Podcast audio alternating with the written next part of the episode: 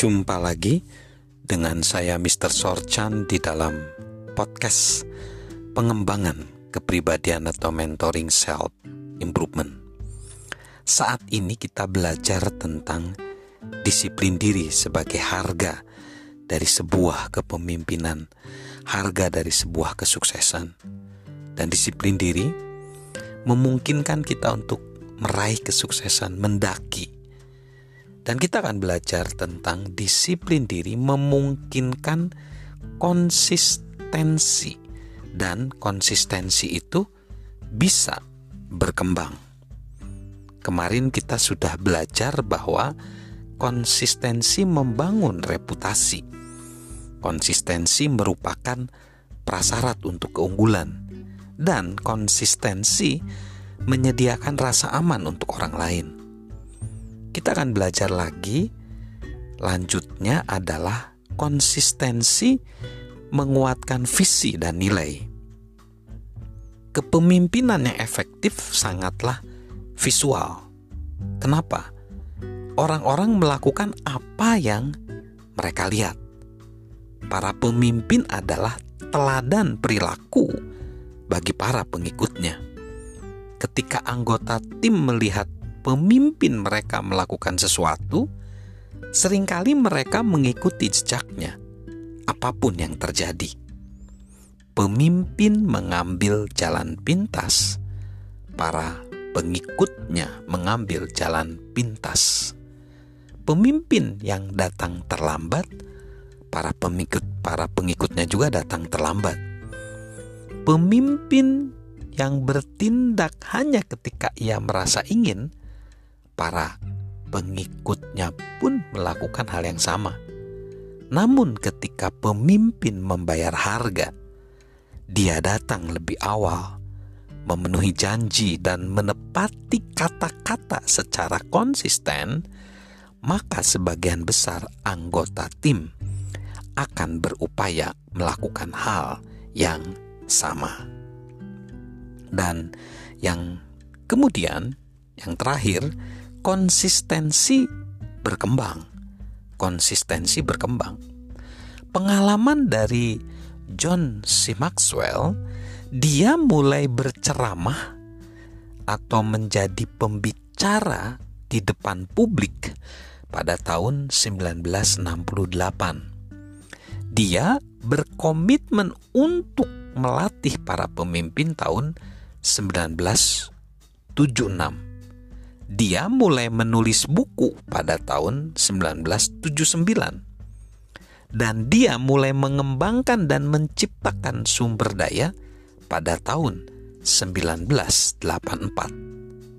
Setiap kali dia menambah target kepemimpinan, dia tidak mengabaikan target sebelumnya.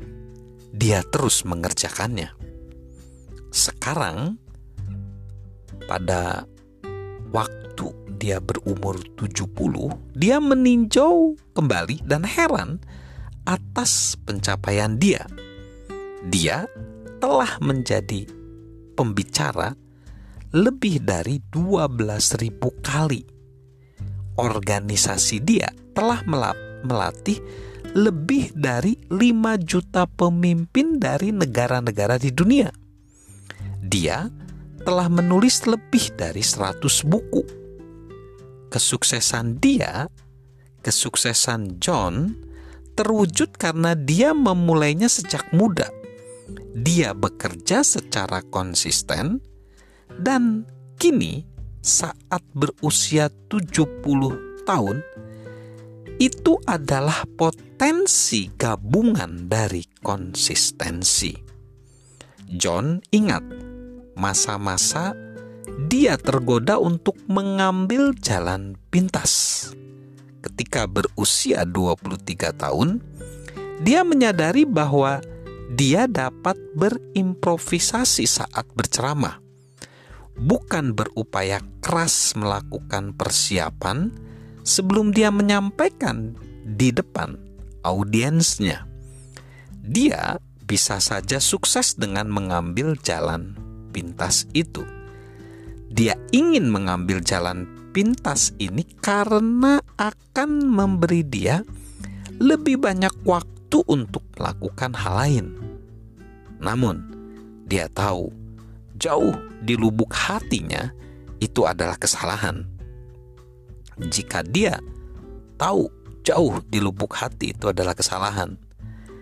Jadi, jika dia mengandalkan bakat dia untuk berceramah, dia tidak akan bisa membangun kemampuan dia di atas bakat itu dan mengembangkannya.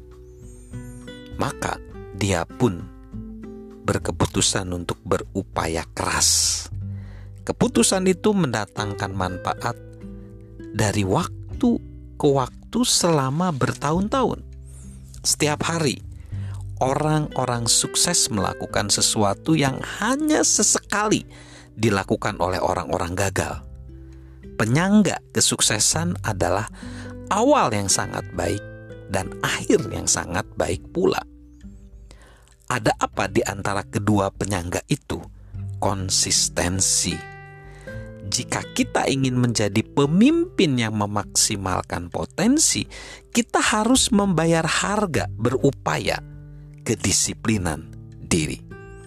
Satu kata terakhir tentang kedisiplinan diri sebelum kita beralih ke tentang pertumbuhan, kebanyakan pemimpin yang baik sangat berhasrat untuk membantu orang lain. Mereka ingin berinvestasi dalam diri anggota tim ingin mengembangkan organisasi dan ingin memimpin orang lain untuk melakukan sesuatu yang bermakna. Kita mungkin juga merasakan hasrat tersebut. Kita mungkin memiliki dorongan kuat untuk membuat perubahan di dunia ini. Jika demikian, ada sesuatu yang harus kita ketahui. Para pemimpin bertanggung jawab untuk membantu diri sendiri serta membuat diri mereka lebih baik sebelum mereka berusaha membantu orang lain.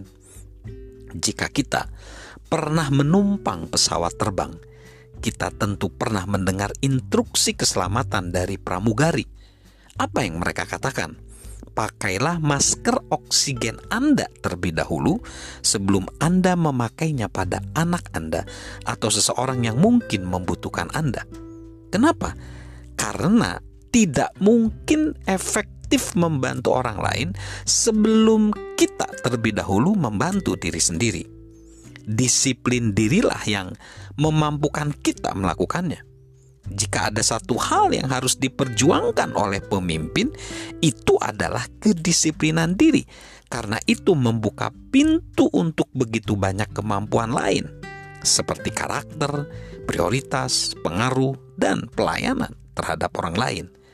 Jika kita memenangkan pertempuran dalam diri kita, kemenangan lainnya akan berada dalam jangkauan. Selamat untuk menjadi pribadi yang berdisiplin diri. Salam sukses luar biasa dari saya, Mr. Sorjan.